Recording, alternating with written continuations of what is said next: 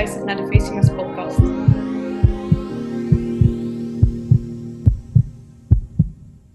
Ik ben de vijfde voorzitter van VCMS Maastricht en vandaag zal ik spreken met dokter Spaans van het MWMC en dat zal ik doen samen met onze secretaris Lindsay Engels. Kunt u zichzelf even voorstellen?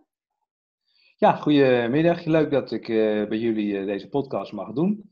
Ja, mijn naam is uh, Wilbert Spaans. Je mag ook gewoon mijn voornaam zeggen, dat vind ik niet erg. En Spaans, een Scheveningse naam, heeft niks met Spanje te maken, maar meer met vissers die net aan het maken waren vroeger. En dan Spaan zou je met een soort houtje te, iets zijn waarbij je de, de grootte van die gaten in het net kan maken. Ja, mijn geneeskundestudie deed ik in Leiden. En in 87 studeerde ik af. En daarna ben ik eigenlijk de tropenopleiding gaan doen, zoals dat toen heette. En een aantal jaar in de tropen gewerkt. Nou, daar komen we straks geloof ik nog op. Toen na de hand gespecialiseerd tot gynaecoloog in Amsterdam en het Ons Lieve Vrouwengasthuis, wat nu eh, OVG Oost heet. Ja, jaar gewerkt in Apeldoorn. En na de hand eigenlijk gespecialiseerd tot uh. En sinds 2015 eh, februari 2015 werk ik in Maastricht in het MWMC. Ja, want vandaag gaan we het inderdaad hebben over ja, uw opleiding als tropenarts. Kunt u iets meer vertellen over die opleiding? Ja, de, de tropenartsopleiding, ja, dat heet eigenlijk tegenwoordig arts internationale gezondheidszorg en tropengeneeskunde. En dus de tropenarts mag je eigenlijk niet meer zeggen. Dat is een aantal jaar geleden, eh, ik geloof een jaar vijf, is dat nu een erkend specialismeopleiding. En ja, die opleiding bestaat uit een tweetal stromingen is dat nu. Je kunt de klassieke route doen waarbij je de chirurgie doet en verloskunde gynaecologie. En dan de tropenopleiding, dus de International eh, Health opleiding bij het Tropeninstituut in Amsterdam. En je kunt ook meer kiezen voor de vrouw-moeder-kind lijn, waarbij je kindergeneeskunde en verloskunde en gynaecologie doet. Nou, ik heb de, de opleiding gedaan zoals dat toen nog was, alleen met de chirurgie en de verloskunde gynaecologie en de tropencursus in Amsterdam. En u bent dus, neem ik aan, in meerdere landen geweest. Ik las op internet al dat u in Zimbabwe onder andere heeft gewerkt. Maar in welke landen bent u nog meer geweest? Ja, zoals het gaat natuurlijk. Je gaat dan uh, als uh, jonge dokter, je bent natuurlijk net klaar. Je hebt dan een chirurgie gedaan, een verloskunde. En dan krijg je een contract zoals het toen gaat. En nu is het ook zo dat mensen natuurlijk vaak uh, voor een periode in het buitenland gaan werken. Ik heb inderdaad toen drie jaar in, in Zimbabwe gewerkt. Begin jaren negentig. En eigenlijk daarna natuurlijk bezig geweest met de opleiding tot gynaecoloog. Daar komt er een hele tijd, heb je het dan druk. En komt er bij mij, kwam er toch niet zoveel van. Eigenlijk uh, wel nog een keer als toerist terug geweest naar Zimbabwe om alle mensen weer een keer te zien. En eigenlijk later een keer met een goede vriend, een Ghanese vriend, naar Ghana geweest. Maar dan hebben we het al over 2007. Daarna nog een keer geweest naar uh, Aruba in een waarneemperiode beetje half tropen, half, half eerste, derde wereldland. En uh, 2017 nog een uh, acht weken naar Suriname. En eigenlijk bij de, in die voorbereiding van mijn uh, troopopleiding heb ik nog een aantal maanden met een gynaecoloog meegewerkt in, in Botswana. En wat rondgereisd in, in Zuid-Afrika. Dus ja, zo heb ik wel wat, wat gebieden gezien. Met met name gericht op Afrika en dan het Caribisch gebied. Ja, en ik kan me voorstellen dat de gezondheidszorg daar natuurlijk heel anders is dan uh, hier in Nederland.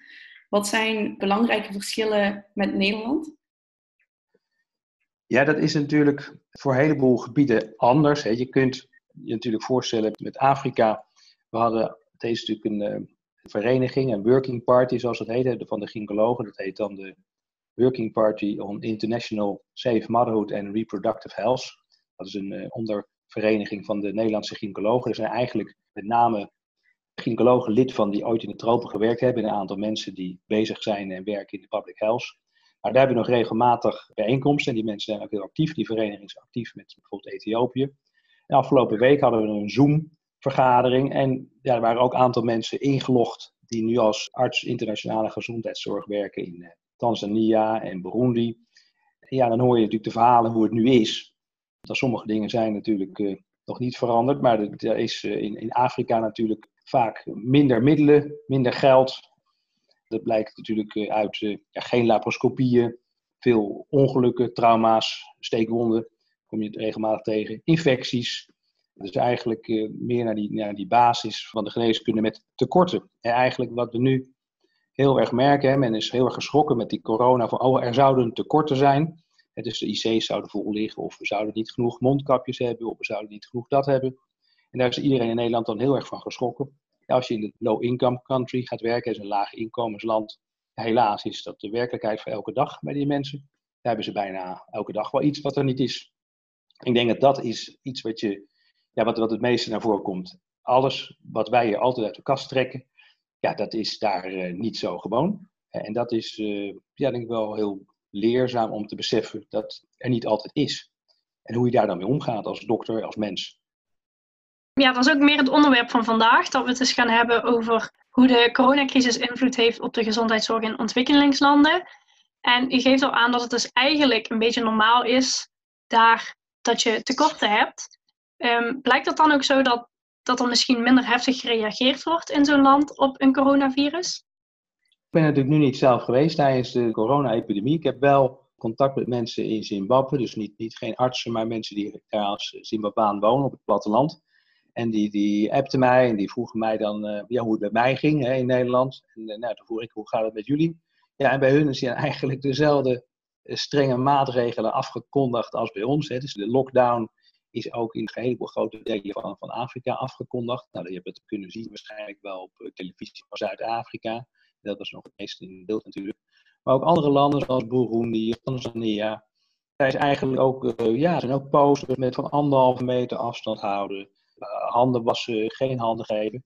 Het lijkt dan toch heel erg op elkaar. Dat gaat tegenwoordig natuurlijk ja, heel veel sneller met internet. De, de wereld is eigenlijk kleiner geworden. En vroeger schreven we een brief, dat deed er drie weken over. En nu heb je een appje en heb je een foto en over twee seconden kan je dat ergens lezen.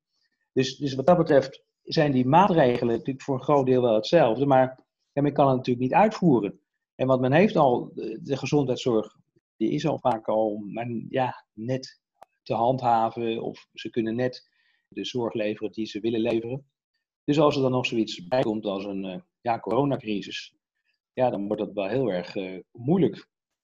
En soms is het natuurlijk ook de vraag van, ja, zijn de bijwerkingen, de side effects van zo'n hele strenge lockdown niet erger dan, dan, de, dan de corona zelf? Dat is best wel een ingewikkeld probleem. Kan er ook gemerkt worden dat mensen zich daar dan minder goed aan houden aan zo'n lockdown dan bijvoorbeeld in Nederland? Ja, dat weet ik natuurlijk niet persoonlijk. Ik geloof wel dat, uh, dat men wel probeert zich daar goed aan te houden. En dat in sommige landen, dat heb je misschien ook wel gezien, dan treedt de politie gewoon heel streng op hè, als je er niet aan houdt. En dat gaat niet zo uh, als onze BOA's dat ze dan even vriendelijk vragen van wilt u alsjeblieft uh, anderhalve meter of twee meter uit elkaar gaan zitten. Maar dan kan er best nog wel eens een keer een wapenstok gepakt worden. Als je je niet aan de regels houdt. Dat is natuurlijk in andere landen nog wel eens, uh, is men er wat sneller in. Maar aan de andere kant zie je natuurlijk ook dat in gebieden waar, ja, waarin men toch moet reizen, men natuurlijk niet in een bus ja, maar 10 of 30 procent van de mensen kan vervoeren. Of dat men ja, in, in, in een township waar het overvol is in, in Zuid-Afrika of in Azië, dat men daar natuurlijk kan zeggen, ja, we gaan maar niet bij elkaar bezoeken, want dat is onmogelijk. Dus men kan zich er ook niet vaak aan houden. Dus dat, ja, dat maakt het moeilijk. En, en natuurlijk de gezondheidszorg zelf, ja, dat kost natuurlijk veel geld om al die extra inspanningen te doen. En, men heeft dus wel bijvoorbeeld net ervaring nog gehad met het ebola-virus. Maar ook dat heeft veel teweeggebracht. Dat alles werd gericht op de bestrijding van ebola en andere zorg, dus moeder- en kindzorg of de gewone zorg voor ja, de curatieve zorg voor eh, mensen, die, die komt daardoor in het nauw. En dat zie je nu eigenlijk met de corona ook weer gebeuren natuurlijk. Dus dat is moeilijk, maar aan de andere kant is de corona ook daar, ja, kan natuurlijk een probleem zijn, maar er wordt heel weinig getest. En daar heeft men geld niet voor. Dus men weet ook niet hoe erg het is. Dus dat is, dat is een, een lastig probleem voor ze. Ja. U zegt al, er wordt weinig getest. In welke mate en van welke kwaliteit beschikken ze daarover? Bijvoorbeeld coronatesten of over persoonlijke beschermingsmiddelen?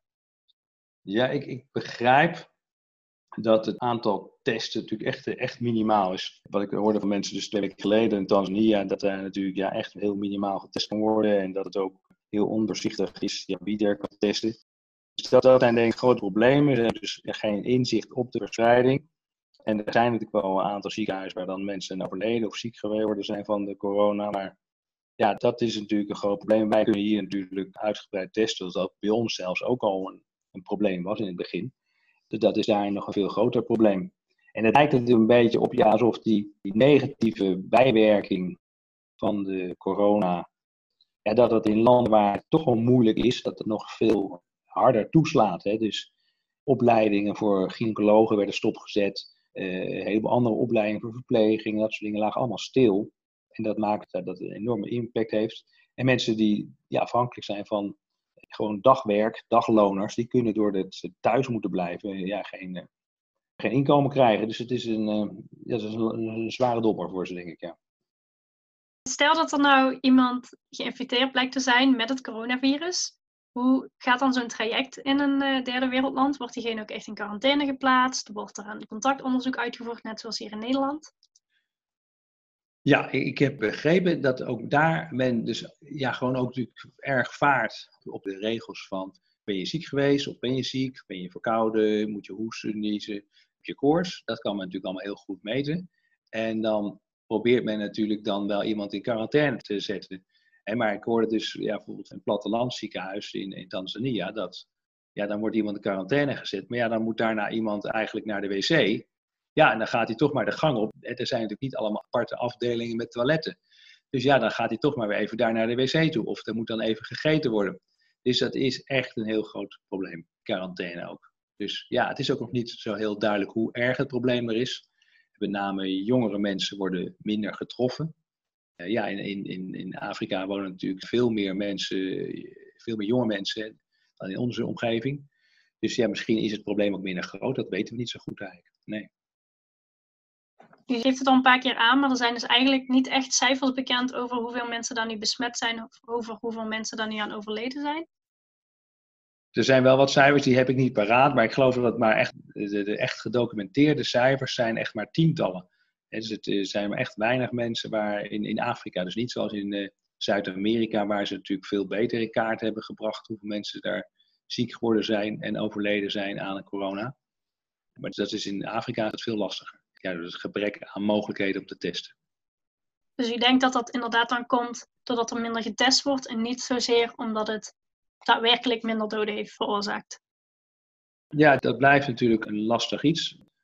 Er gaan natuurlijk toch al heel vaak mensen overlijden daar waar er geen goede diagnose is gesteld. Dus dan is het ook moeilijk om aan te geven waaraan je overlijdt. Men zal natuurlijk wel, als het echt een, een heel duidelijk longbeeld is, dat wel kunnen herkennen.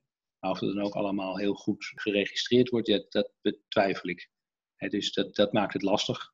Ja, zeker. Dus daar is ook veel minder goed iets over te zeggen.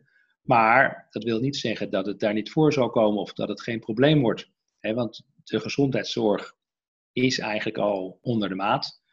Beademen is eigenlijk niet mogelijk. voor een groot deel is dat maar heel, heel sporadisch. Lukt dat in enkele grote hoofdsteden dat ze goede beademingsapparatuur hebben. Dus als het echt uit gaat breken, ja, dan wordt het voor Afrika echt een heel groot probleem. En dat is ook de discussiestukken, in kranten lees je dat ook wel.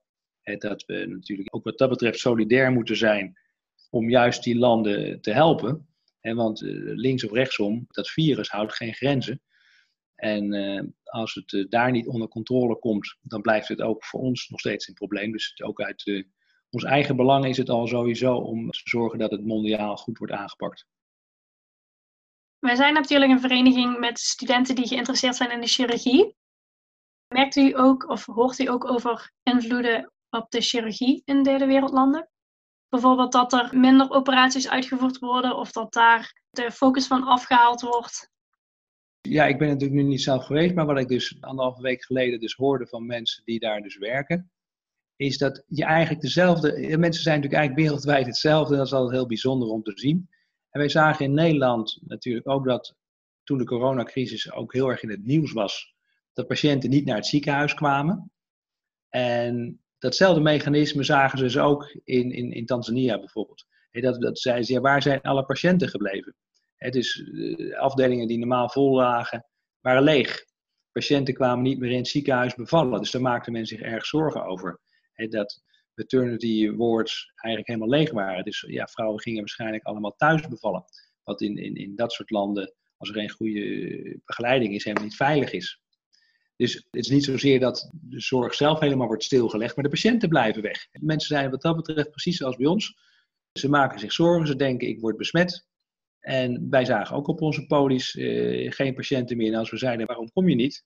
Ja, waren ze bang dat ze besmet zouden worden. En ik denk dat datzelfde mechanisme ook in Afrika werkt. Dus men is bang voor die ziekenhuizen. Dus men komt niet. Ja, eigenlijk de meeste ziekenhuizen hadden nog geen groot coronaprobleem, maar meer doordat het werd aangezwengeld, ging men allerlei maatregelen maken. Maar het was niet zodat ze in Afrika werden overlopen door coronapatiënten. Dat niet. Maar meer de patiënten kwamen zelf niet. Dus dat heeft grote impact als die patiënten wegblijven natuurlijk. Ja. ja, dus in dat opzicht is eigenlijk een ontwikkelingsland wel te vergelijken met Nederland. Denkt u ook dat er andere uitdagingen zijn die wel heel anders zijn? Buiten bijvoorbeeld dat de gezondheidszorg gewoon minder goed ontwikkeld is? Jullie vereniging is natuurlijk voor, voor medische studenten. En dan ben je natuurlijk altijd. Ja, sta in het begin van je carrière en dan ben je geïnteresseerd in wat er allemaal is. En dan is het denk ik sowieso goed om te kijken ergens een keer van. Uh, ja, waar is het anders? En begrijp je waarom het anders is? Of is het, is het niet te begrijpen? En dan ja, neemt je eigen waarde mee in je eigen waarheid. En als je een grens oversteekt, dan blijken dingen die wij hier leren helemaal niet meer daar te gelden. Nou, dat is denk ik sowieso leerzaam. En als je dus als student en als jonge dokter daarheen gaat, dan zullen er natuurlijk heel veel dingen zijn die anders zijn. En wat ik in het begin al zei, van ja, je zult merken dat in heel veel landen er niet alles is. dus eh, dingen zijn, uh, zijn gewoon op. Out of stock is een heel bekend woord in een heleboel landen. Nou, als wij hier een keer eh, de pil niet kunnen voorschrijven, dan komt dat zes keer op het journaal zo ongeveer. En als de mondkapjes tekort zijn, ja, dan is dat hier bij ons een wereldnieuws. Ja, ik heb in Zimbabwe hadden wij eigenlijk nooit voldoende handschoenen. Die moesten we altijd wassen en nog een keer gebruiken en nog een keer gebruiken totdat ze uit elkaar vielen. Het is, dat is in een heleboel landen nog steeds zo. Dat is denk ik wat er anders is, maar ook het aantal ziektebeelden is natuurlijk anders. Meer, meer infectieziekten, trauma, verre stadia van, van pathologie op alle vlakken. Hè, dus op chirurgisch gebied, maar ook op intern gebied, op infecties, verloskundig gebied. Daar zie je ook natuurlijk vaak dingen die je hier niet meer ziet. Iemand die twee dagen al aan het bevallen is en dan eigenlijk echt een, eh, een obstructed labor heeft. Ja, dat zou je hier in Nederland niet meer tegenkomen, gelukkig. Ja, maar dat kan helaas in, in een land waar het transport heel slecht is, kan je dat nog wel tegenkomen. Nou, dat soort dingen. Dus alles wat uitvergroot is en, en eigenlijk eh, langer duurt en, en, en dat soort dingen, de pathologie dus ernstiger maken, dat kan je dus eigenlijk in dat soort landen vaker tegenkomen. Dat vindt vaak zijn oorzaak in ja, in armoede, in afstanden, slechte bereikbaarheid, toegankelijkheid van zorg. Dat speelt vaak een rol natuurlijk, ja. Ja, en wat voor rol speelt nu precies een tropenarts in deze tijd? Iemand die al in zo'n land is, maar bijvoorbeeld ook u die in Nederland is? Ja, ik heb gisteravond nog even zitten kijken, hè, want ja, ik, ik, voel me altijd toch al weer, ja, dan ben ik er een tijd uit. Dus ik, ik spreek natuurlijk nog wel mensen die nu nog weggaan. Dus ik heb even gekeken weer op de, de website. Het is de Arts Internationale Gezondheidszorg en Tropengeneeskunde. Nou, dat is denk ik als je interesse hebt in dit soort dingen, zoals uh, werken in een lage lonen, uh, lage inkomensland. Hè. Je mag eigenlijk geen, geen ontwikkelingsland meer zeggen, maar het zijn eigenlijk meer inkomensverschillen. Dat soort landen. Nou, die website geeft een heel leuk beeld van wat je kunt verwachten. Eh, als tropenarts, maar dan eigenlijk tegenwoordig arts internationale gezondheidszorg. En die functie, dat is natuurlijk heel lang, is er, eh, we zijn er jaren mee bezig geweest om dat erkend te krijgen dat de mensen die zo'n opleiding doen, die artsen, dat die eigenlijk ook een belangrijke functie hebben binnen onze Nederlandse gezondheidszorg. En want de meeste mensen gaan voor een bepaalde periode werken in het buitenland, misschien één of twee keer. Maar komen vaak toch weer terug, maar nemen die kennis mee. En ook nu bleek dus weer bij de ja, corona-uitbraak in Nederland dat artsen met internationale gezondheidszorgervaring, dus zogenaamde tropenartsen, dat die in, in, Brabant werden ingezet om mee te helpen op de eerste hulp, om, om als het ware de triage uit te voeren. Dus er zit ook een functie zeker waarin van als je over je grens hebt gekeken, dat je daar zeker een, eh, dat je iets nuttigs bijdraagt aan onze eigen gezondheidszorg. Mensen reizen veel. We hebben veel medelanders die uit andere landen en culturen komen.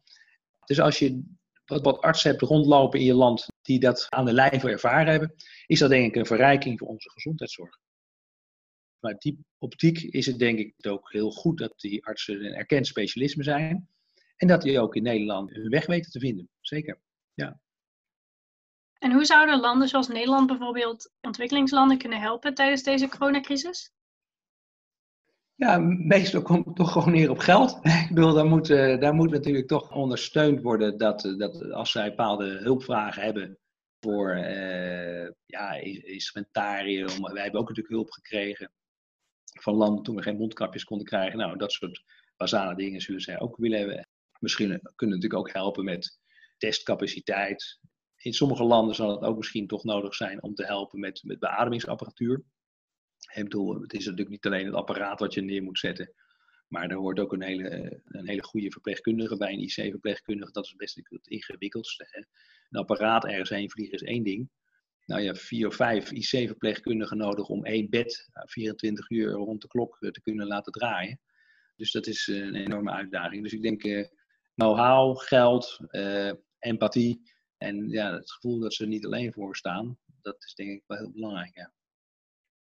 En denkt u dat Nederland op dit moment in staat is om andere landen te helpen? Of denkt u dat het probleem in Nederland te groot is om uh, ja, aan andere landen te denken op dit moment? Ja, we moeten natuurlijk uh, wel eerlijk zijn dat natuurlijk we hebben een probleem, maar dat gaat nu eigenlijk is het best netjes onder controle. Hè, dus uh, als er natuurlijk hulpvragen komen uit dat soort landen, ja, dan is het natuurlijk ja, denk ik prima om, om, om uh, daarin te ondersteunen.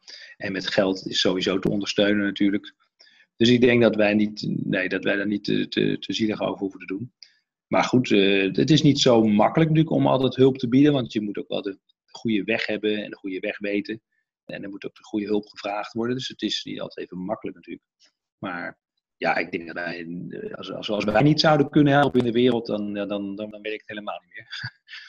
ons land moet nog wel iets kunnen bijdragen, denk ik. Ja, nee, zeker. Ja, en tot onze luisteraars behoren voornamelijk geneeskundestudenten die chirurgie heel leuk vinden. En veel van deze studenten willen ooit naar het buitenland voor een coachschap of voor een andere stage. U bent natuurlijk al heel veel in het buitenland geweest. Wat zou u nou de studenten mee kunnen geven als ze naar het buitenland gaan?